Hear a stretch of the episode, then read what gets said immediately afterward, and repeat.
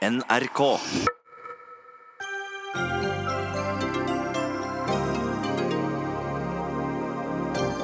Samtlige parlamentariske ledere og hele kontroll- og konstitusjonskomiteen fikk i september 2016 sjokkbeskjed om byggeprosjektet i møte med presidentskap og administrasjon. Politikerne svarte huff, dette vil se dårlig ut for Stortinget og gi oss omdømmetap. Og så tok de helg. Flere regjeringer må ha visst at E-tjenesten systematisk har brutt Grunnloven, mener advokat. Men hvordan kan man da overvåke terrorister hvis vi ikke skal sjekke hva de sier til også lovlydige folk? Hva er det med Italia, landet der Mussolinis barnebarn stiller til valg og Silvio Berlusconis samarbeidspartnere beskyldes for å lefle med fascistisk tankegods? Og barn av utdannede foreldre tar høyere utdanning. Barn av foreldre uten høyere utdanning gjør det samme som foreldrene. Hvorfor ikke innføre en studieavgift for disse middelklassestudentene?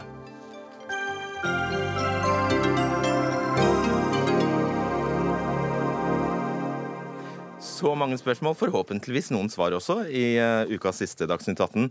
Mitt navn er Fredrik Solvang.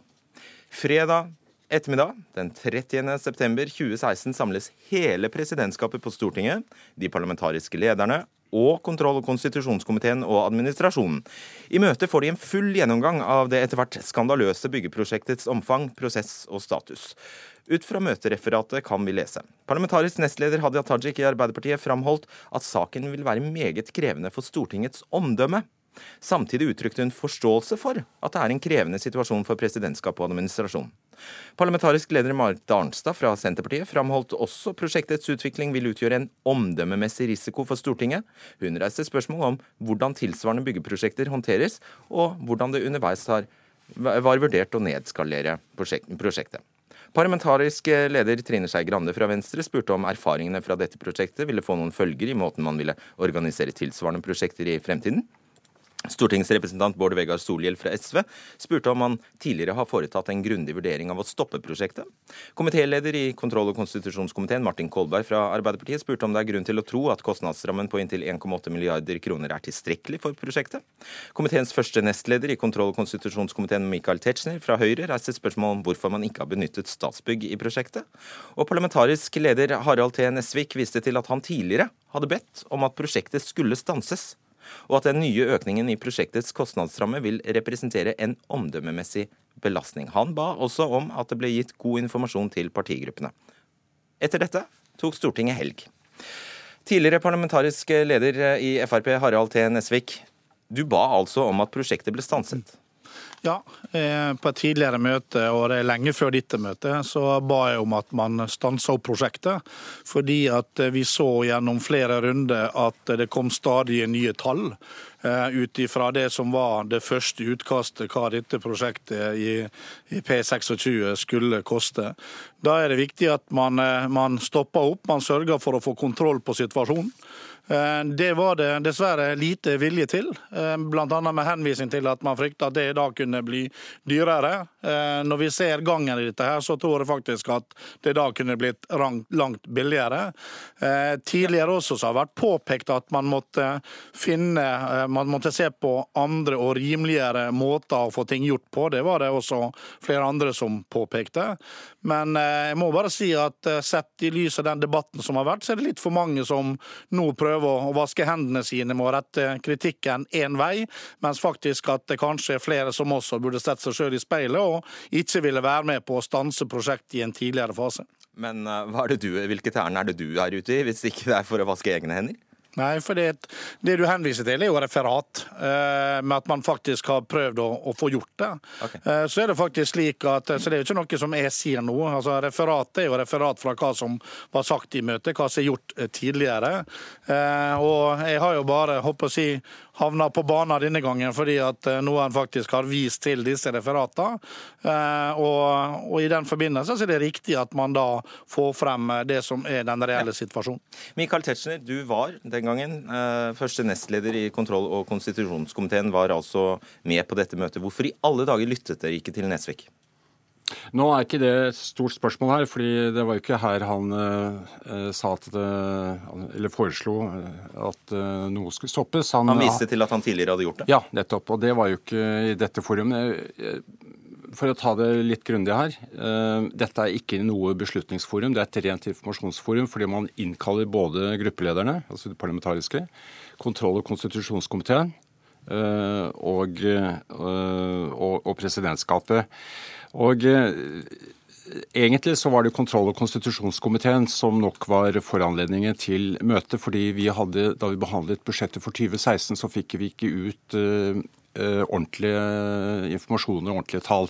Så i budsjettinnstillingen for da Stortinget uh, klubbet budsjettet for 2017 i desember 20, nei, altså for 2016, i desember 2015, så ba vi om at vi ble orientert før fremleggelse av neste statsbudsjett, altså det for 2017. Så du mener egentlig at den, mye av denne, de, mange bare... av de opplysningene som framkommer av dette møtereferatet, det har du avstedkommet? Nei, eh, selve møtet skulle svare ut behovet til kontrollkomiteen som budsjettkomité, ikke som kontrollkomité. Og vi var litt misfornøyd med det, fordi på det tidspunktet var jo statsbudsjettet i trykken. Fordi vi var kommet til den siste, formelt siste dag i vårsemesteret, eller vårsesjonen, som da var 30. september. Og så har jeg lyst til å si en ting til. Etter dette møtet så skjedde det jo ikke noe, fordi eh, det er greit nok å informere flere enn en kontroll- og konstitusjonskomiteen, det er bare fint. Men vi hadde også ventet at i, i budsjettet for 2017 uh, var flere opplysninger. Og det var da vi i den neste budsjettinnstillingen ba om, og fikk også Stortinget med på, å be eh, eh, Riksrevisjonen gå inn ordentlig. For de kan nemlig rekvirere papirer som ikke vi umiddelbart fikk tilgang til. Okay. Og det førte til Riksrevisjonsrapporten, som så ble behandlet i juni 2017. Ja, Du forserer litt her, men, men det, er, det, er, for så vidt greit. Nesvik, Eh, ja, hva sier du til det? Jo, men Det er helt riktig som eh, Michael Tetzschner sier. altså Dette var et rent informasjonsmøte. Eh, og Kontrollkomiteen det er jo budsjettkomiteen for Stortinget. Det er jo ikke Stortingets kontrollorgan. altså Du skal ikke kontrollere Stortinget, men man har med budsjettansvar å gjøre. Men det var på et tidligere møte, og der var ikke kontrollkomiteen til stede. Det var på et møte mellom de parlamentariske lederne og presidenten, der vi fikk disse informasjonene om de stadige overskridelsene, der jeg ba om at disse tingene måtte stoppe. Nå skjærer jeg gjennom her. fordi For oss andre, det er vel revnende likegyldig om det er et riktig møte, en riktig komité. Altså Hvis dere får beskjed om at her er det et løpsk prosjekt på gang, mm. 1,8 milliarder kroner, og noen rekker opp hånda og sier hei, skulle vi ha stanset opp, og det er øredøvende stillhet fra de andre, Mm. så er vel det å betrakte som noe vi andre kan kritisere Tetzschner?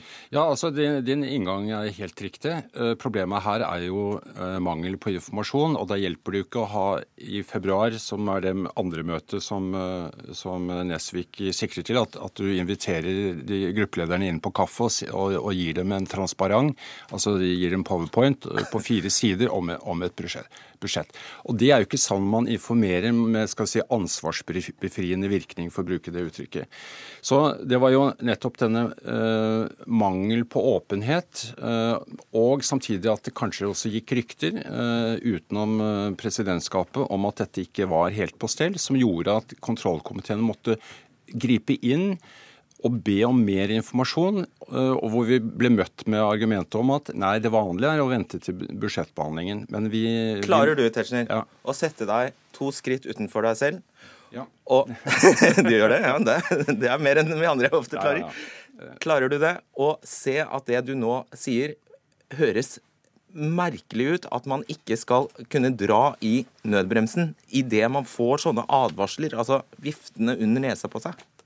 Ja, men eh, For det første så var det jo ikke uh, store advarsler i dette. Det, det, ble jo også bagatellisert i en viss forstand.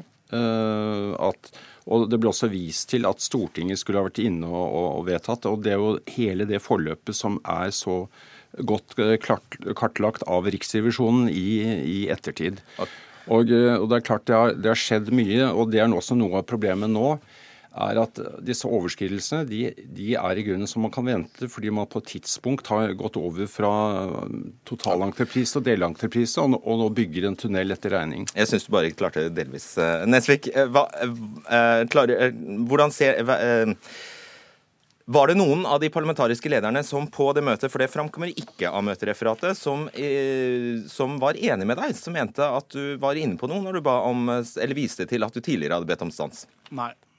Det var, disse, eh, det, var, det var, flere som uttrykte bekymring for prosjektet, men eh, jeg fikk ikke støtte til at man skulle stanse dette. Eh, det syns jeg er, veldig dumt. Altså, men det er jo etter tida som viser oss. Men det var rett og slett fordi at jeg var veldig bekymra for disse, disse tallene og prosessen og det som dukka opp. Og Det var jo nettopp fra vår side, fra Fremskrittspartiet, for jeg hadde jo diskutert dette bl.a. med vår representant i presidentskapet om disse stadige tallene. Og det var jo det som var nettopp foranledninga. Fordi at jeg ønsker å trekke den nødbremsa som du etterlyser, fordi at eh, det så ut som dette her kunne gå virkelig gærent av sted. Hvor hardt ønsket du å trekke den nødbremsen? Hva gjorde du da budsjettet for Stortinget kom, f.eks.? Nei, Nå var det kontroll- og konstitusjonskomiteen som behandla disse budsjettene, og det har med den vanlige framskrivinga der å gjøre. Nå kom Riksrevisjonens rapport. Eh, og Det er jo i den man bl.a. også går inn eh, og ser, og har behandla, som også igjen medførte eh, at Stortingets president også ga en redegjørelse i Stortinget. og Det var i den forbindelse man gjennomgikk dette prosjektet, og det var det kontroll- og konstitusjonskomiteen som jobba med. Men jeg regner med at du løp til din representant i kontroll- og konstitusjonskomiteen, Helge Thorheim, informerte han om at du hadde på dette møtet gjentatt ditt ønske om stans, og at du ga ham beskjed om at her må det ikke bevilges mer penger til et prosjekt vi ikke har kontroll på. Jeg regner med du gjorde det? Vi informerte selvsagt om at vi hadde forsøkt å, å stanse disse tingene. Det gjorde jeg til mine folk. For vi for, gikk jo videre til stortingsgruppa. Eh, for det er jo stortingsgruppene som behandler disse tingene. Men fulgte du opp? Fulgte du opp? Ja, jeg har fulgt opp eh, knytta til disse tingene. Men eh, når det, man i, i, det møtet så var det ingen vilje til å, å stanse opp prosjektet med henvisning til at dette vil kunne bli dyrere. Ok, Tersi. Ja, eh, det, det, har jo sammenheng med at dette er et eh, møte som eh, involverer mange enkeltpersoner, hvor, hvor, hvor dette forumet ikke skal ta noen beslutning. Det ville jo vært helt ukonstitusjonelt. Det er det verre å bryte en konstitusjonell vane ja, enn å påføre oss andre enorme kostnader? Ja, men det, er ikke, det, det, jo, det, er jo nullitet. Et rent informasjonsmøte hvor du, hvor du inviterer okay. flere komiteer til, til, å møte, det er ikke noe organ. Og, de, og, og, Det vi har sett i ettertid i, i, forvaltningsrevisjonen, det er jo nettopp at de store beslutningene er jo tatt uten at man ønsket å involvere Stortinget som bevilgende myndighet. Fordi konstitusjonskomiteen tar de forslagene man får fra, som er skrevet inn i, i budsjettet via Finansdepartementet, og former en innstilling til uh, Stortinget i plenum. Det er vår oppgave, det er vår plikt. Og den var enstemmig i dette tilfellet? bare så vi er ja, også, og, og, det betyr at når da budsjettet er vedtatt i, i, desember, så har administrasjonen en ramme og en beskrivelse av hva de skal gjøre. Det som er problemet i denne saken, er jo at presidentskapet i februar 2014 uh, forkaster hele det uh, prosjektet som de har fått beskrevet i budsjettinnstillingen, og, de har allerede visst at det koster 147 millioner mer. Så, det er også problemet når det i ettertid blir blir eh, avdekket av at et rent administrativt organ treffer beslutninger uten å involvere Stortinget som bevilgende myndighet. Det er problemet. Av mange, et av mange. Bjørne Moxnes, leder i Rødt. Hvordan leser du dette notatet? Eh, nei, dette uh, møtereferatet?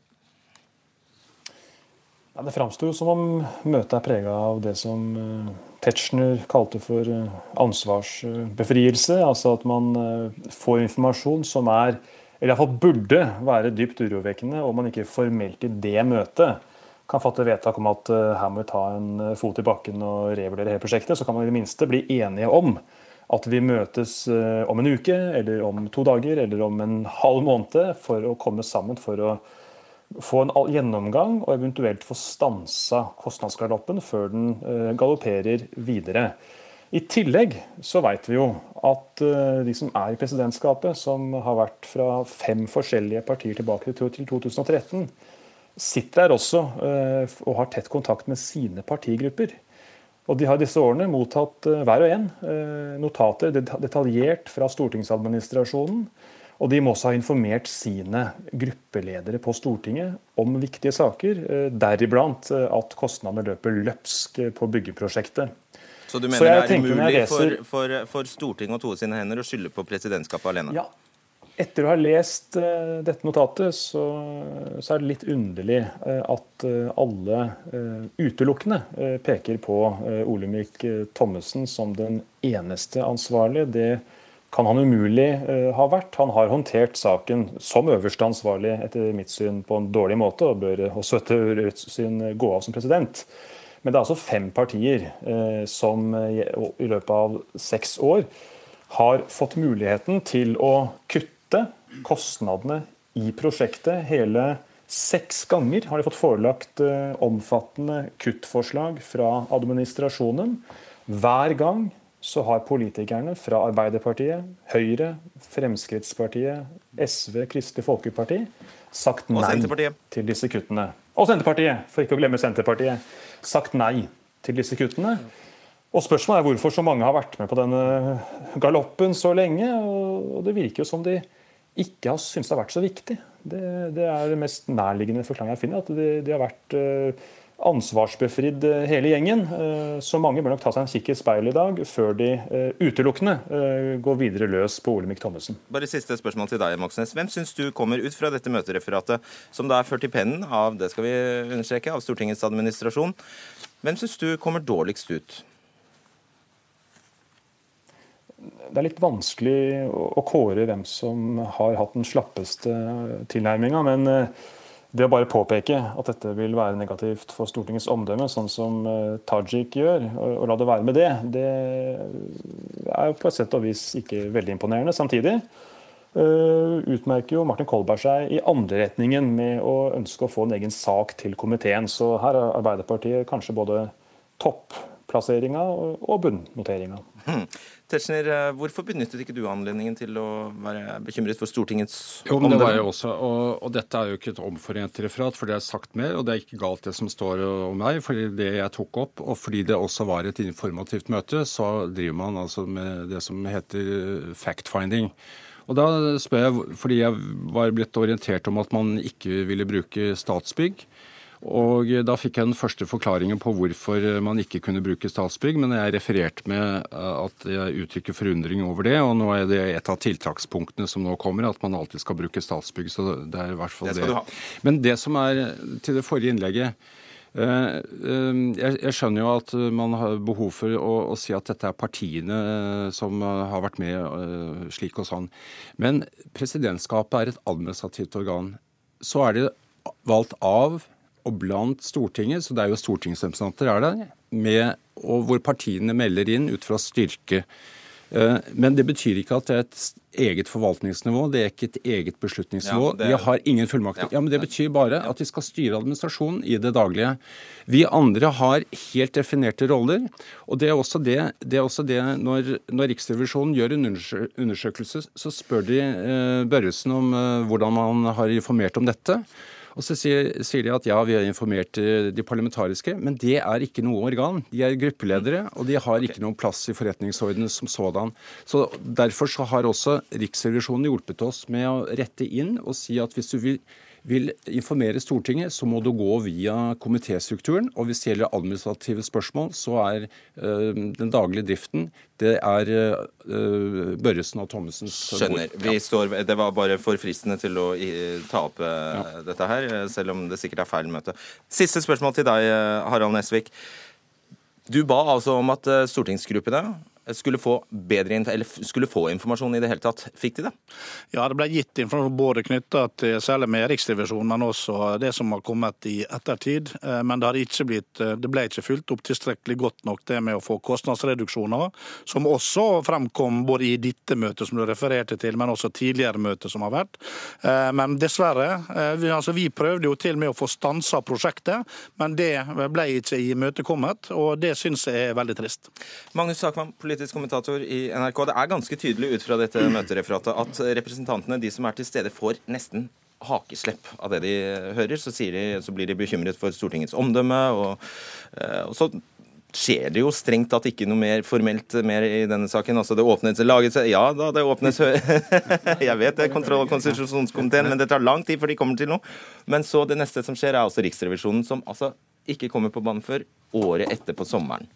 Altså, det er jo ikke første gangen politikerne får hakeslepp over kostnadsøkninger i dette prosjektet. Det skjedde jo også året før, da rammen økte til 1,4 eh, milliarder. Den, på dette tidspunktet var den økt til 1,8 milliarder. Så kan man diskutere hvilken status dette møtet har, og om det er et operativt møte eller ikke. Eh, men det som fysisk skjedde i etterkant av dette møtet, var at Stortinget gikk til eh, søksmål mot Multiconsult i oktober 2016, altså i måneden etterpå, fordi, som vi har hørt i debatten nå i det siste, så legger man veldig mye av ansvaret på, på nettopp Multiconsult. Så det var det ene. Det andre var at man bestemte seg for å, å la Riksrevisjonen gå gjennom saken. Det, eh, og det, som dere var inne på, så, så konkluderte de med meget kraftig kritikk i juni 2017. Men det jeg har lyst til å bare føye til her for den aktuelle debatten, er jo at det som nå er i ferd med å skje, den, dette økte presset mot Olemic Thommessen, er jo etter, eh, etter eh, i denne etter nye sesjonen. Etter desember 2017. Ja. ja. Og der, der, eh, der Slik at det er mange av de partiene du har snakket om her, som nok ville gå i seg selv når de gjaldt sin egen rolle i, i forrige periode og sitt eget medansvar i presidentskapet. Og det er jo bl.a. derfor en del av partiene byttet ut sine folk i presidentskapet. slik at vi må være klar over at alvoret i saken er på en måte først og fremst nå den aller siste fasen med denne kostnadssprekken på 500 millioner kroner. Ja, det for så vidt rett i, men jeg spør likevel. Ja. I hvilket lys havner da dette bastante kravet nå om at Thommessen må gå, når vi ser referatene fra møtene, og de egentlig ikke gjør noe annet enn å uttrykke bekymring for Stortingets omdømme? Ja, altså Det spørs jo hvem du sikter til. I, I, juni så var det to partier som fremmet mistillitsforslag mot uh, Thommessen, Senterpartiet og SV. Og Arbeiderpartiet hadde da en egen kandidat som, som opposisjonen støttet. Eh, og jeg tror at en årsak til at bl.a. til at Arbeiderpartiet ikke gikk til det skritt å støtte et mistillitsforslag, var nettopp deres egen vurdering av eget medansvar i denne perioden. Det ville virket eh, politisk veldig rart om de da eh, gitt dette medansvaret også fremmet mistillitsforslag. Det ville, det ville slå tilbake på dem selv. Hva er det neste som skjer i denne saken nå? Ja, Nå er det redegjørelse tirsdag 6. 6. mars. Altså i neste uke skal presidenten redegjøre for saken. Finanskomiteen skal jobbe med det. Og så henger det i lufta om eh, tilliten til Olemic Thommessen som stortingspresident. Eh, om han har flertall i, i, i, salen som fortsatt stortingspresident eller ikke, det er spenningsmomentet. Du holder på ja. Det, det må være veldig, veldig veldig raskt. Ja, for det første, Jeg må tilbake til dette møtet bare et øyeblikk. fordi det var to nyheter som ble sluppet i samme moment her. og Det var det overskridelsen, som eh, da var fremstilt eh, til å være 700 millioner. Og Så ble det sagt samtidig med at man var veldig misfornøyd med Multiconsult, uten at man var helt åpen på hva som var det varslede kravet. Og Det var ikke søksmål man tok ut 2016, det var et prosessvarsel. Og så lot man faktisk også det det formelle uh, søksmålet ventet til, til over uh, oktober og, og, det nye presidentvalget uh, i Stortinget. Og så formelt søksmål ble tatt opp etter at man var begynt okay. på ny frisk. Men man varslet et søksmål. Men poenget var at ja, Nei, nei, okay. nå må det være greit. Ja. Okay. Takk. Jeg skal understreke at ingen fra Arbeiderpartiet, ingen fra SV, ingen fra KrF eller fra Venstre verken kunne eller ville stille her i dag. Takk. Dagsnytt 18 alle hverdager kl 18.00 på NRK P2 og NRK2. De store, hvite parabolantennene på Eggemoen ved Hønefoss var opprinnelig ment til å overvåke mulige terrorister og gi støtte til norske og allierte aksjoner i utlandet. Men i går kunne NRK fortelle at antennene også samler inn og lagrer informasjon om nordmenn som kan være ulovlig. Dersom du f.eks. har en helt lovlydig venn som er på reise nær et eh, konfliktområde, kan telefonsamtalen du tar med, tar med vedkommende, bli hentet ned til satellittallerkenene på Eggemoen. Og samtalen kan bli lagret i årevis. Er det ikke sånn, eh, advokat Jon Wesselås? Du er en av flere som har reagert på, at, eh, på det som har kommet fram nå, og kaller det et svik mot Grunnloven. Ja, det gjelder jo den manglende Altså det er, det er, for å si det sånn, det er jo ikke sånn at det er, er, regjeringen og Etterretningstjenesten som skal bestemme innholdet i hva de skal gjøre. Det er det jo lovgivningen og Stortinget som skal bestemme. og det har jeg reagert på etter de opplysningene vi har fått, det er jo at eh, det ikke er lovhjemmel for den virksomheten som vi nå har fått avdekket.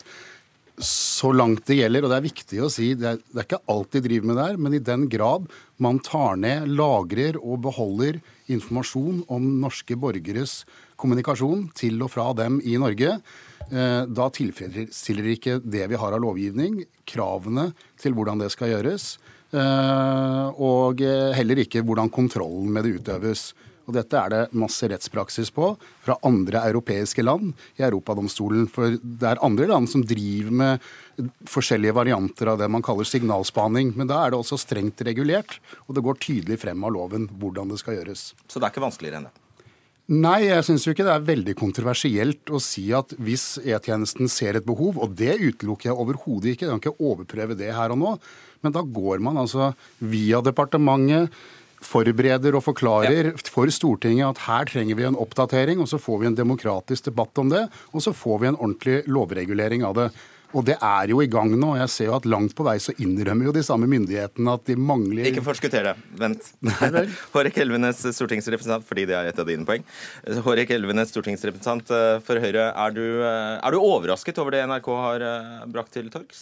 Nei, vet du, Strengt tatt så er jeg faktisk ikke det. Hvis man går inn og ser i rapporten til EU, e EOS-utvalget til Stortinget i 2014, så problematiserer de akkurat dette. Og EOS-utvalget er altså utvalget som er satt til å Å kontrollere de hemmelige tjenestene, E-tjenesten og PST. Eh, og det er verdt å merke seg at dette utvalget de kritiserer ikke E-tjenestene, men de stiller spørsmål om dagens lovverk er godt nok for å fange opp den eh, rollen som E-tjenesten er nødt til å ivareta. Og La meg ta et eksempel. Eh, E-tjenesten overvåker ikke nordmenn i Norge, men E-tjenesten har faktisk anledning til å oppbevare informasjon om nordmenn i Norge. Hvorfor det?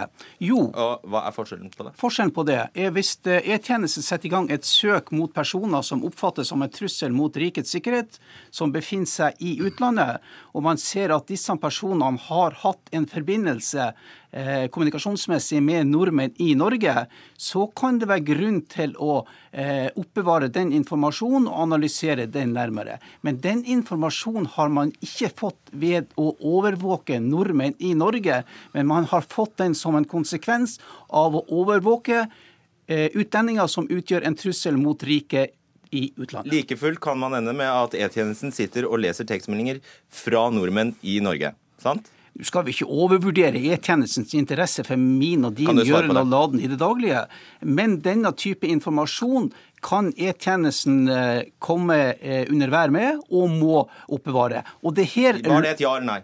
Eh, det var et svar på ditt spørsmål, og det her Nei, ja, Da skjønte jeg det ikke. Eh, gjenta spørsmålet, takk. Kan E-tjenesten da ende med å lese tekstmeldinger fra nordmenn i Norge? E-tjenesten kan se hvem som har kommunisert med hvem, såkalt metadatainformasjon.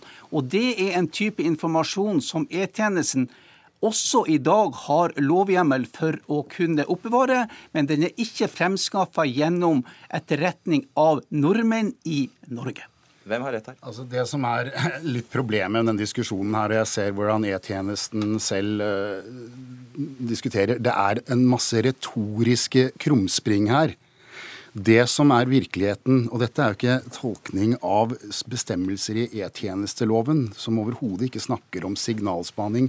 Dette dreier seg om Grunnloven og Den europeiske menneskerettighetskonvensjonens krav til når myndighetene i det hele tatt kan gripe inn i kommunikasjonen til borgerne sine, ta den ned og samle den og lagre den. Og det gjør de. Og det inkluderer delvis, i dette tilfellet, nordmenns kommunikasjon. Så Det det krever et, en klar lovhjemmel, og det krever, eh, det krever uavhengig kontroll av et domstolslignende organ når det skjer. Og igjen, jeg sier ikke at de ikke skal kunne foreta disse tingene. Men da må vi lovregulere det ordentlig. Det er det som er problemet. Yeah. Og retoriske krumspring som hvorvidt du kaller noe overvåkning eller hvem du retter det mot. Faktum er at norske borgeres kommunikasjon blir oppi alt det som tas ned her, lagret og åpenbart i årevis her. Og det kan man altså ikke gjøre uten en klar lovhjemmel. Kan du hjelpe meg litt?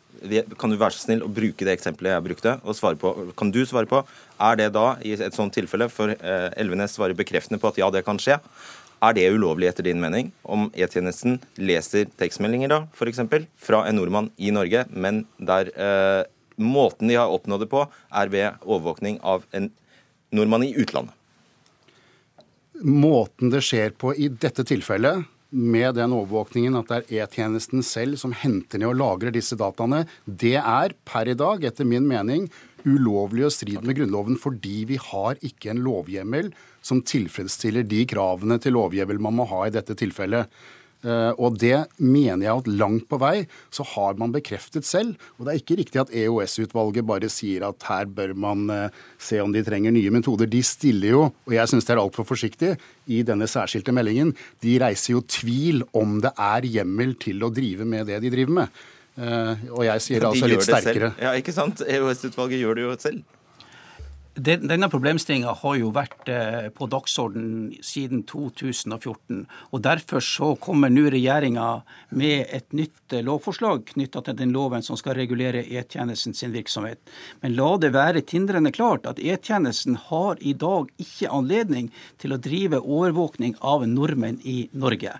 Ja, men Det er jo som, det er jo som Wessel Aas påpeker, bare et retorisk knep, hvis det er det som faktisk skjer. Men det er en lovmessig åpning for at E-tjenesten faktisk kan oppbevare informasjon om normen i Norge, hvis det er viktig for, for eh, E-tjenesten sin mulighet til å løse et oppdrag. Så hvordan skal men den nye loven se ut da? Den, men den informasjonen er ikke kommet frem ved at E-tjenesten har drevet etterretning av nordmenn Nei, i Norge. Skjønt, og det er en veldig viktig forskjell i dette. Hvordan skal den nye loven se ut da? Ja, Det får vi se når loven kommer. Den blir antagelig lagt ut på høring i 2018. Og det er en lang prosess å lage lover ja, i Norge. Og jeg er ikke lovmaker. Det blir selvfølgelig eh, lovavdelinga i Justisdepartementet som utarbeider den. Du er lovgiver, da. Ja, og når den kommer til Stortinget, så skal vi selvfølgelig Men er meningen å, å, å sno seg rundt denne, er meningen å komme seg rundt denne problemstillingen?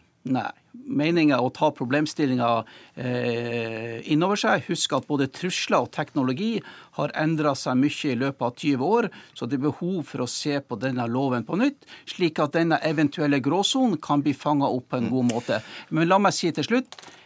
EOS-utvalget kritiserer ikke E-tjenesten og har ikke funnet grunn til å gjøre det. Da skal jeg sitere sjef for Etterretningstjenesten, uh, Jon Wesselås, mm. Morten Haga Lunde. Han uh, sier i en ytring på nrk.no i dag at han uh, Annet, det blir, Dersom E-tjenesten skal hente ned data fra satellitter, er det umulig å gjøre en analyse av dataen før den ble hentet ned og at, de, og at de kan se på hva slags data de sitter med. Hvordan mener du da at E-tjenesten i det hele tatt skal kunne drive etterretning hvis de plutselig skal lukke øynene idet en nordmann på norsk jord kommer inn i bildet? Men nå må man jo høre etter hva jeg sier. Dette er jo hans argumenter for hvorfor de mener at de har behov for å gjøre det de gjør. Det er for så vidt helt legitimt. Men nå driver vi sånn baklengs demokrati. Hvis du ser det behovet, og det har de tydeligvis gjort for mange år siden, da må du jo melde det inn, da, så vi kan få lovregulert det. Det hjelper ikke hvor mye behov han mener han har, hvis vi ikke har lovregulering om det. Så vi må jo gjøre ting i riktig rekkefølge, og det er det man ikke har gjort her. Og behovet til Etterretningstjenesten, det skal vi lytte til. Og så skal vi behandle det ordentlig og demokratisk og få det innenfor ryddige og ordentlige rammer, sånn at de kan gjøre den viktige jobben de skal gjøre. Men måten det har vært operert på her, det skaper dessverre mistillit til en tjeneste som er veldig avhengig av tillit, for de er jo avhengig av å operere dels i skyggene pga. arbeidets art. Da er det desto viktigere at vi har åpen debatt og ordentlig regulering av rammene rundt det. Og det har regjeringen og Stortinget tydeligvis innsett, for de holder jo på med det arbeidet nå. Det er bra, men det har skjedd i feil rekkefølge. Kjempekort. Du kommer med en type kritikk til E-tjenesten som det ikke er grunnlag for. Denne saken viser at det er behov for et eh, organ som går E-tjenesten etter i sømmene, og de gjør sin jobb, og at de gjør funn som kan påvise behov for forbedringer, er jo en styrke okay. ved EØS-tjenesten og vårt demokrati. Takk skal dere Jon Wesselås og Hårek Elvenes.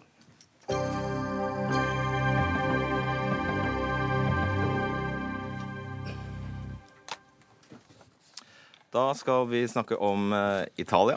For to av de største partiene i Italia beskyldes for å lefle med fascistisk tankegods før parlamentsvalget på søndag. Hvorfor har ikke Italia tatt det samme oppgjøret med fascismen som Tyskland gjorde med nazismen? For i landet som fant opp eh, fascismen, har nettopp fascismen vært sentral i debattene i denne valgkampen i 2018. Simen Ekern, journalist og forfatter av flere bøker om italiensk politikk, og nå sist med boka 'Folket, det er meg', om høyrepopulisme i Europa. La, dras, eh, tegn landskapet veldig enkelt for oss, først det politiske.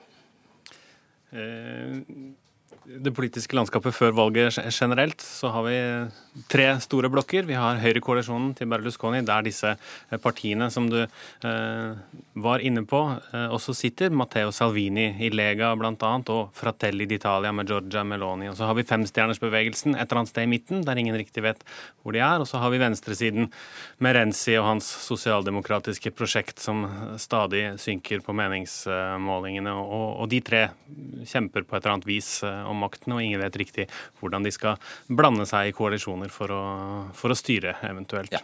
Og Da skal vi zoome inn på den ene alliansen her, som er den konservative blokken. Vi skal se nærmere på den som består av Berlusconis parti, Forza Italia, og partiene Oss med Italia, eh, Lega og Brødre av eh, Italia. De to sistnevnte her beskyldes eh, for å lefle med fascismen. Ja, de, de, har gjort det i denne valgkampen. Så, så, har det dukket opp, da, særlig etter disse skuddene i, i Macerata, som vi husker der en uh, høyreekstrem uh, person skjøt på tilfeldig valgte mennesker med, med afrikansk uh, utseende. Han hadde jo vært med i Lega uh, tidligere. og, og i kjølvannet av den hendelsen så var det krefter i italiensk politikk som mener at bl.a. da Lega og Matteo Salvinis måte å drive politikk på, måte å, å snakke om løsninger på eh, immigrasjonskrisen f.eks., um, og, og hans generelle politiske retorikk er noe som legitimerer den type uh, nyfascistisk vold som man mente at disse skuddene var. Uh, og Dette kommer jo også fordi det finnes andre bevegelser som har hatt et, et voldsomt oppsving i Italia de siste årene, eh, som kaller seg Casa Pound eller Forza Nuova, eh, som til en viss grad eh, helt eksplisitt kaller seg selv fascister. da, Det tredje millenniets fascister. Og det er stuerent, det. Ja, det er jo stuerent i den forstand at de har fått 8-9% av stemmene i lokalvalg. De har blitt et parti man kan stemme på. Og selv om det egentlig da jo er sånn i Italias grunnlov, som, som kom etter krigen, så er det ikke lov å gjenskape det fascistiske partiet. Eh, Italia er jo grunnlagt eh, som republikk, som en antifascistisk republikk. Eh, og mange mener at dette har liksom blitt oppløst på en eller annen måte. Da. Den, den ideen at den har forsvunnet litt, at fascismen har blitt banalisert. og Derfor har man også i høst forsøkt å få gjennom et lovforslag som sier at det skal være forbudt ved lov i Italia å hilse med armen hevet i fascisthilsen, eller å produsere suvenirer med Mussolini-T-skjorter eller Mussolini-smekker som jeg så uh, også finnes, og Mussolini-vin. Bare veldig, veldig kjapt. bare minne oss om hva, var kjennetegnene ved fascismen og kontra nazismen? Vel, eh, dette er jo en fryktelig Fryktelig oppgave å få uh... En fryktelig stor historisk debatt, ja, men det er interessant eh, Og mange mener at det ikke går an å definere det i, det hele tatt. Men, men, men, en vanlig definisjon er at det er en slags ultranasjonalisme i bunn. Det er en slags populistisk massebevegelse. Og det er også noe som en bevegelse som hele tiden viser til en slags fortidig storhet som skal gjenskapes på et vis. Og så ser man med en gang hvor vanskelig vanskelig det er med en sånn definisjon. For der kunne jo Donald Trump lett uh, passet inn uh, også. Og mange mener at derfor går det ikke an å diskutere at det bare egentlig er den historiske epoken i Italia da Mussolini styrte, som er fascisme. Uh, og det har vi sett nå i denne valgkampen. Også Berlusconi selv sa det i en TV-debatt. Hva da? Fascismen er tilbake. Mussolini er død. Og ettersom han ikke kan komme til live igjen, så, så, er ikke dette noe farlig, eh, hevder han. Og det hevder jo mange da på høyresiden, Matteo Salvini selv også, f.eks. At dette er noe venstresiden har funnet på for mm. å skåre politiske poenger. Og hovedforskjellen på nazismen og fascismen?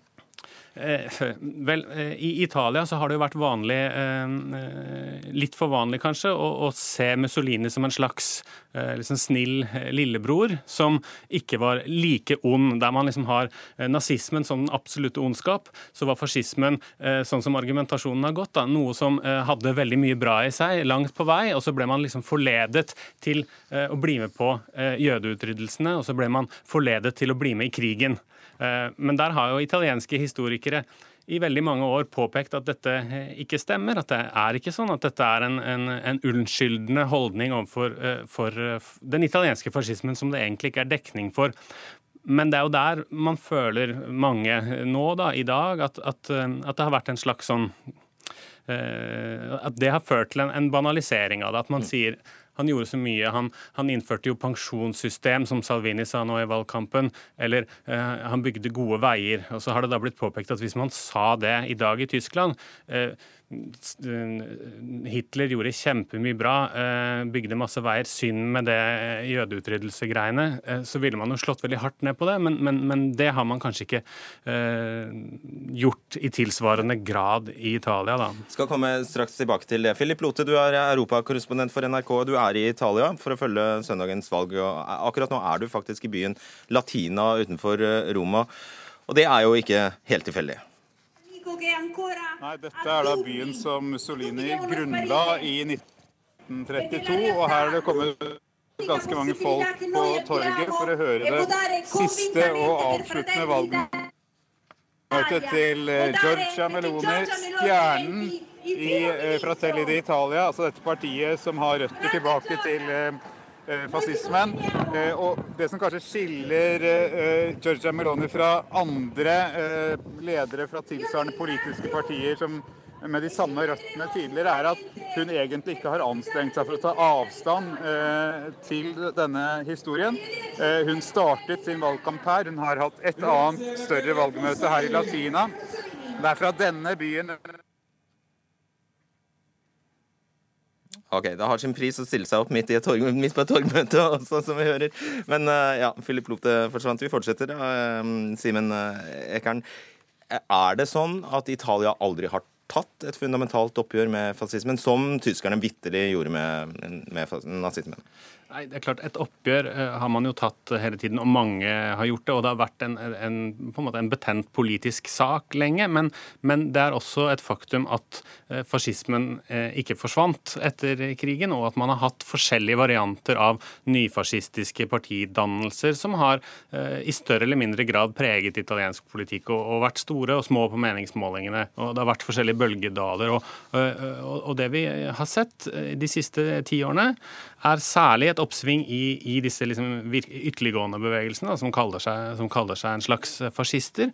Men kanskje enda mer interessant i, i valgkampen eh, denne gangen eh, er jo eh, et parti som, som Salvinis parti, som representerer et parti som tradisjonelt ikke har noen ting med, med denne nyfascistiske strømningen å gjøre. Partiets grunnlegger hevdet selv at den eneste gode fascisten var den han kunne se gjennom kikkertsiktet på sitt gevær. For, for han opplevde sitt parti som, som noe helt annet. Men, men, de er jo da representanter for en type ny eh, radikal høyrepopulisme som vi har sett i hele Europa i år. ikke sant? Og, og, og forbinder seg mer med, med, Marine Le Pen i Frankrike eller, eller AFD eh, i Tyskland. Men han blir støttet av disse yttergrupperingene. De ser, For ham så er, eh, for dem så er Salvini deres statsministerkandidat. Og det har han ikke gjort så fryktelig mye for å, å, å, å takke nei til. Han har også opptrådt sammen med disse tredje millenniets fascister i enkelte demonstrasjoner.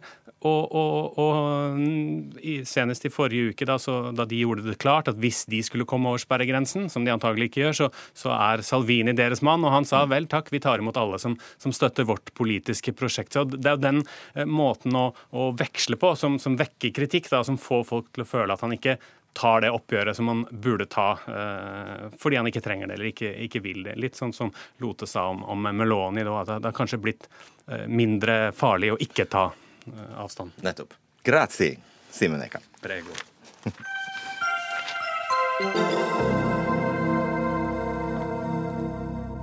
Vi startet jo denne sendingen med Stortingets byggesak, og nå skal vi også avslutte sendingen med den, for noen må ta regningen. Og nå skal du få to konkrete forslag til hvordan Stortinget skal eh, betale for milliardsprekken på Stortingets byggeprosjekt. Én vil kutte i lønn, en annen vil halvere støtten til Nordisk råd. Bjørnar Moxnes, du er fremdeles leder i eh, Rødt og sitter i finanskomiteen. Du mener stortingspolitikerne selv skal betale for dette. Hvordan da? I dag så har vi en forholdsvis eh, romslig lønn, 920 000 i år. Den skal visst bikke millioner i løpet av perioden, ifølge Stortingets lønnskommisjon. Vi mener det er rom for å kutte lønna ned til eh, tre kvart million kroner i året. At det bør være mulig å kunne leve greit for det eh, i Oslo, med betalt bolig for de som kommer utenbys fra, med subsidiert kantine med alle innenlandske reiser dekka, så kan du leve for da en kvart million mer enn det som er gjennomsnittsinntekten eh, blant folk flest. Nei, hallo, det er ikke en kvart million nå... mer. Er, du mener 750 000? Det er, ja. Det, det, er altså en kvart million mer enn gjennomsnittsinntekten til folk flest. Og det er eh, noe mindre eh, enn det som er dagens stortingslønn, som er 920 000 kroner i året. Eh, det er Stortinget som til sjuende og sist eh, er ansvarlig for eh, byggeskandalen. Stortinget har selv valgt et presidentskap som har klart å ikke følge prosjektet på en spesielt god måte og få kontroll på kostnadsgaloppen. Og da framfor å be andre om å stramme inn livreima, framfor å kutte i andre gode formål, framfor å kutte i renholdere og vaktmestere og de som jobber i administrasjonen for oss på Stortinget, så tenker vi det er logisk og riktig og fornuftig at eh, stortingsrepresentantene går noe ned i lønn, eh, ned til eh, til sammen da tre kvart million i året. Ja, Og at vi også naturligvis kutter presidentskapets lønn. Den er jo nå på 1,6 millioner for Olemic Thommessen. Den kan da kuttes ned til det som er nåværende stortingslønn, nemlig 920 000 kroner. På den måten kan vi over fire perioder ha spart inn hele den siste sprekken på en halv milliard kroner. Fire perioder tilsvarer 16 år. Det er helt korrekt. I tillegg, I tillegg ønsker vi å få en gjennomgang naturligvis av Stortingets representasjonsutgifter, ja. reiseutgifter, etterlønnsordning osv. For, for å finne innsparinger i det som for mange framstår som sannsynligvis ganske lukrative ordninger for den norske politiske eliten. Sivert Bjørnstad, stortingsrepresentant, eh, sitter også i finanskomiteen fra Fremskrittspartiet. Du syns dette er en dårlig lønn at dere skal gå ned. Hvorfor det? At det er en dårlig lønn, er det jo ikke. dårlig at, idé å gå ned i lønn? Jeg syns at lønna vår er omtrent der den skal være. Jeg det, for det første syns jeg det er et viktig prinsipp at vi har denne lønnskommisjonen som er uavhengig.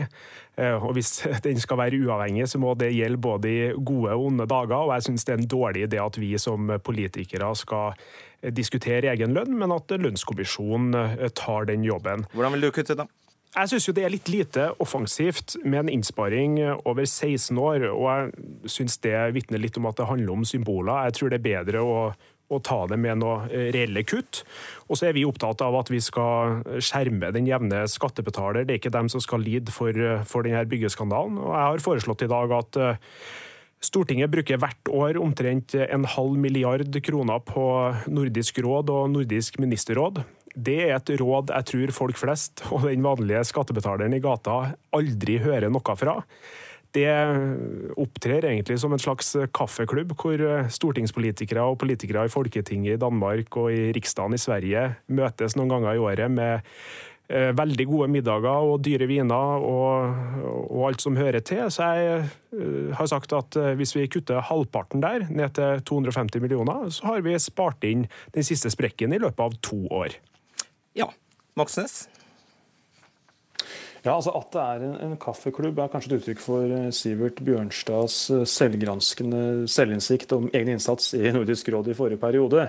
Det er altså et viktig, et viktig organ for nordisk eh, samarbeid, blant de viktigste regionale samarbeidsorganene som fins i verden, hvor det også er felles prosjekter nordisk mot menneskehandel for å sikre arbeiderrettigheter. Og de har også kutta i budsjettene sine med, med 8% de siste tre årene. og kutta i eh, byråkrati eh, for å spare penger. Så jeg tror det er en dårlig idé å eh, skrote, i sette i fare det nordiske samarbeidet pga. En, en dårlig håndtert byggesak eh, på Stortinget.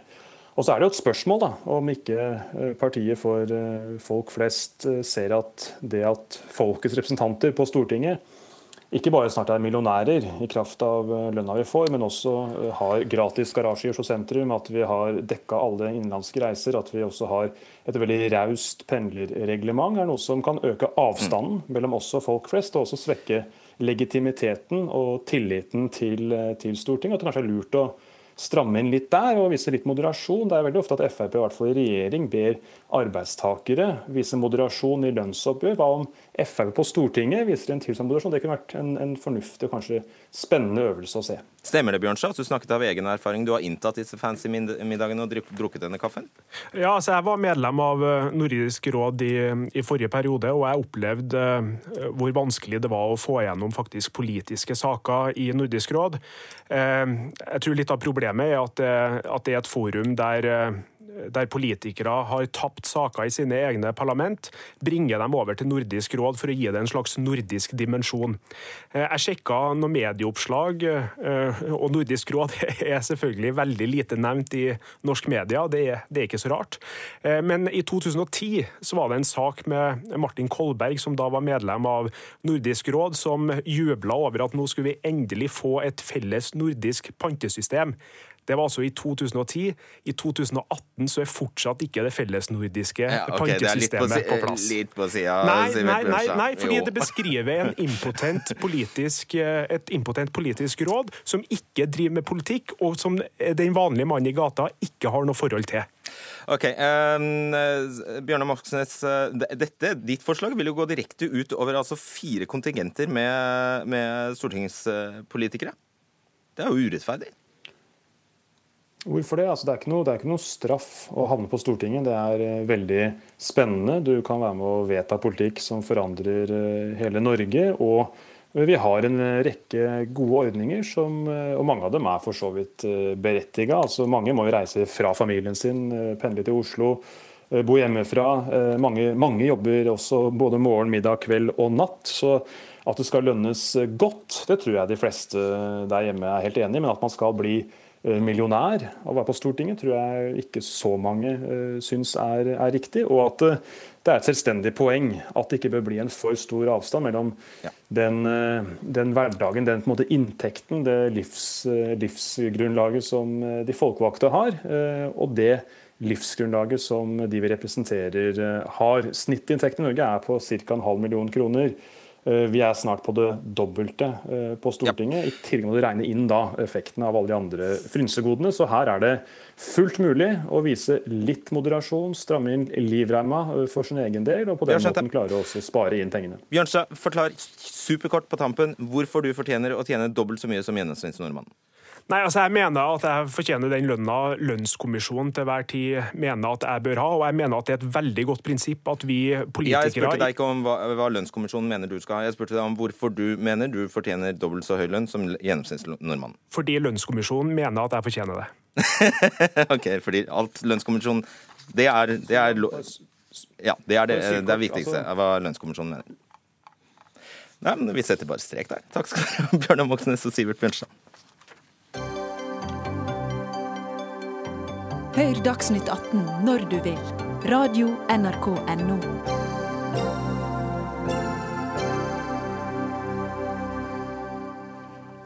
Gratis utdanning har vært et grunnleggende prinsipp i Norge. Men i Dagens Næringsliv tar skribent og rådgiver i Civita Mats Kirkebirkeland til orde for å innføre det han kaller en moderat studieavgift. Han mener dagens ordning bidrar til økonomisk ulikhet av alle ting. Dette må du faktisk eh, forklare, Kirke Birkeland. Det skal jeg gjøre. Eh, det bidrar til økonomisk ulikhet hvis man ser på grads høyere utdanning som et ressursspørsmål, altså i fordelingsøyemed. Og da ser man at eh, når man da fordeler antall studentårsverk, så ser man at eh, de studentårsverkene fordeler seg på sånn 50-60% av studenter som selv har foreldre med høyere utdanning. Og all den tid høyere utdanning, foreldre med høyere utdanning korrelerer med inntekt, så gir vi da gratis høyere utdanning til en, en eh, gruppe mennesker i samfunnet som har veldig høy sosioøkonomisk bakgrunn. Eh, da foreslår jeg som ett av tiltak eh, for å på en måte få en slags omfordelende effekt her, eh, også fordi gratis høyere utdanning har en nåverdi på mange hundre tusen kroner for den personen det gjelder, at man innfører en moderat studieavgift på i dagens næringsliv sagt for 5 10 000 kroner i semesteret, som kan betales og finansieres ved lån fra Lånekassen for de som eventuelt ikke har penger, og da betales tilbake gjennom et langt yrkesliv.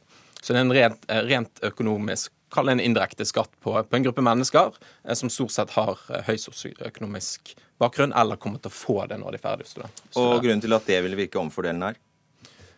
Fordi at eh, det koster penger Det koster penger å, eh, å finansiere gratis høyere utdanning. Så må vi se på hvor, hvor mange Ja, Men de som tjener lite, betaler jo mindre skatt. Ja, til en viss grad så vil det progressive inntekt, det å ha progressiv skatt, vil jo til en viss grad omfordele. Men det er jo veldig mange andre individuelle fordeler man får av høyere utdanning, som ikke nødvendigvis blir daglig skattlagt. De som ikke har bil, må betale for veier. Ja, det, det, kan jo man også si. Men man, man f.eks. ved at man eh, får bedre helse, man lever lengre, ja. eh, man får sosial kapital, kulturell kapital, som, som, gir deg en stor fordel i samfunnet, som du ikke må betale av. Skjønner poenget. Ja. Mats eh, Johansen Beldo, du er leder i Norsk studentorganisasjon. Representerer da i teorien i hvert fall 230 000 studenter. Eh, hva sier dere? Nei, jeg er altså litt usikker på hvilket problem Kirkebirkeland egentlig prøver å løse. Fordi at Dersom problemet er at for få med lav sosioøkonomisk bakgrunn tar ta høyere utdanning, så er ikke skolepenger løsningen. Vi er heller nødt til å se hvordan, hvordan kan vi få dem inn i høyere utdanning. Og Da trenger institusjonene også et ansvar med å rekruttere bredt. Ja, Hvilke problemer er du ute etter å løse? Det er et godt spørsmål. Jeg er ute og løser et problem. For det er sånn i Norge i dag at vi har jo en, har jo en god, god, grunnskole og en god skole. Men fortsatt er det sånn at din utdanning, eh, hvordan du gjør det på skolen, dine karakterer, i stort sett har sammenheng med hvilken din foreldres utdanning ja, det, så det er et sterk sammenheng. sant? Ja. Eh, og det, det, er jo det her problemet Hvis man skal løse et problem i samfunnet, så er det her Vil du ha flere inn i høyere utdanning? Er det, er det ditt anliggende? Jeg vil ha eh, personer inn i høyere utdanning som er eh, motivert for å studere, og som har de kvalifikasjonene som er der, og som også betaler for deler av den kostnaden det er for resten av samfunnet for å finansiere gratis utdanning. Ok, ja, altså Når kirkeblikkerne trekker opp eh, økt kvalitet som resultat av skolepenger, så må jeg nesten spørre liksom, hva, hvorfor, hva er de store kvalitetsutfordringene vi har med dagens høyere utdanning? Altså, Dersom vi ønsker å få flere med lav sosioøkonomisk bakgrunn inn i Utdannings-Norge, så må vi legge til rette for det. Og jeg mener det Å lage en økonomisk barriere for de som tar høyere utdanning, det er helt, helt feil løsning på problemet. Ja, Men det er jo allerede i dag en, eh, en delvis økonomisk barriere gjennom at man får, eh, har studielån fra før. Og det jeg foreslår, er jo at eh, Men du vil gjøre den høyere, da? Ja, det, jeg vil gjøre den litt høyere. og Jeg ser ikke på noe som problem f.eks. at eh, selv har jeg gått på, på Handelshøyskolen BI og jeg har arbeiderklassebakgrunn. Og jeg ser ikke på det eh, Det er jo mye høyere lån man får ved å gå der enn det, eh, det jeg foreslår. Eh, jeg ser det på et problem, både med tanke på perspektivmelding og andre. Det blir et ressursspørsmål, et prioriteringsspørsmål fremover. Og man må da se på alternativ bruk av de pengene som går til høyere utdanning, og da kan noen av de mer eh, gå til tidligere utdanningsløp. Nettopp, Beldo, og det er jo et faktum det at når du ser på statistikken, så er det altså slik at vi alle subsidierer eh, middelklassestudenter. Det er det som de facto skjer i dag med utdanningssystemet vårt. Altså, Studentene er på ingen måte middel, middelmådige. Altså, vi er, vi av middelklasse. Middelklassestudenter, ja. Altså, Jeg er jo veldig stolt av den norske modellen vi har i dag. Det at Vi har lik rett til utdanning, og det er absolutt like muligheter for alle som måtte ønske å ta utdanning. Men, ja, men de benytter seg ikke likt av den. Det er hvordan, poenget her. Hvordan skal vi få dem til å ta høyere utdanning? Det er jo det som er det store spørsmålet. Det er jo mye mer interessant å diskutere hvordan virkemidler skal vi få på plass til å få flere til å ta høyere utdanning, og i hvert fall de med dårlig sosioøkonomisk bakgrunn, enn å bare komme rett på, på skolepenger. For det er, en, det er en veldig forhasta løsning. For vi diskuterer jo ikke hva er problemet, og hva er årsakene til problemet. Så her nå skal jeg fortelle problemet. Hvis du har foreldre med lang høyere utdanning, så har du 60 sannsynlighet for å begynne på høyere utdannelsen. Hvis du har grunnskole, foreldre med grunnskole som er høyest oppnådde, så har du 15% Av de 15 som har grunnskole igjen, så er det kun 55-60% som fullfører studiene etter ett år. Og hvis du fordeler de på gutter og menn, eller menn og kvinner, så er det enda lavere igjen. Så poenget er at vi har store ulikheter i utdanningssystemet vårt, og jeg syns det er rett og slett urettferdig at grupper i samfunnet som er, har, kommer sterk sosioøkonomisk bakgrunn og kommer til å tjene mye penger i løpet av livet, ikke betaler en liten egenandel av den utdanningen. Altså, helt, helt sist må jeg faktisk si at Det å legge til rette for at flere tar utdanning, er ekstremt viktig. Og Jeg, jeg, ser, jeg ser, poenget ditt. Men jeg, kom, jeg, jeg, kommer faktisk fra Finnmark. Et fylke hvor svært få faktisk tar høyere utdanning. Mm. Men det at vi har gratis høyere utdanning, det at alle har like muligheter, gjør at jeg kan begynne hvor som helst. ja, Men du lar heller ikke ingen... være å studere hvis du får en bitte, bitte, bitte liten studieavgift? Jo, det tror jeg faktisk. For jeg tror at hvis vi Nå allerede, allerede, så er faktisk studieøkonomien eller økonomien til studentene så dårlig at det å øke at det skal bli dyrere å ta høyere utdanning uten å faktisk øke studiefinansieringa i seg sjøl, det, det, er helt meningsløst. Det er en veldig forhasta løsning på et problem. Ok, Men forfriskende med et nytt forslag. Jeg må knipe dere der. Takk skal dere ha. Det var det siste som ble sagt Takk. i denne sendingen. Ansvarlig for Dagsnytt 18 i dag var Ida Tune Øresland. Erik Bromme Nei. I- Idar Harald Brenna var teknisk ansvarlig. Det var slett ikke Erik som satt her. Og jeg heter Fredrik Solvang. God helg.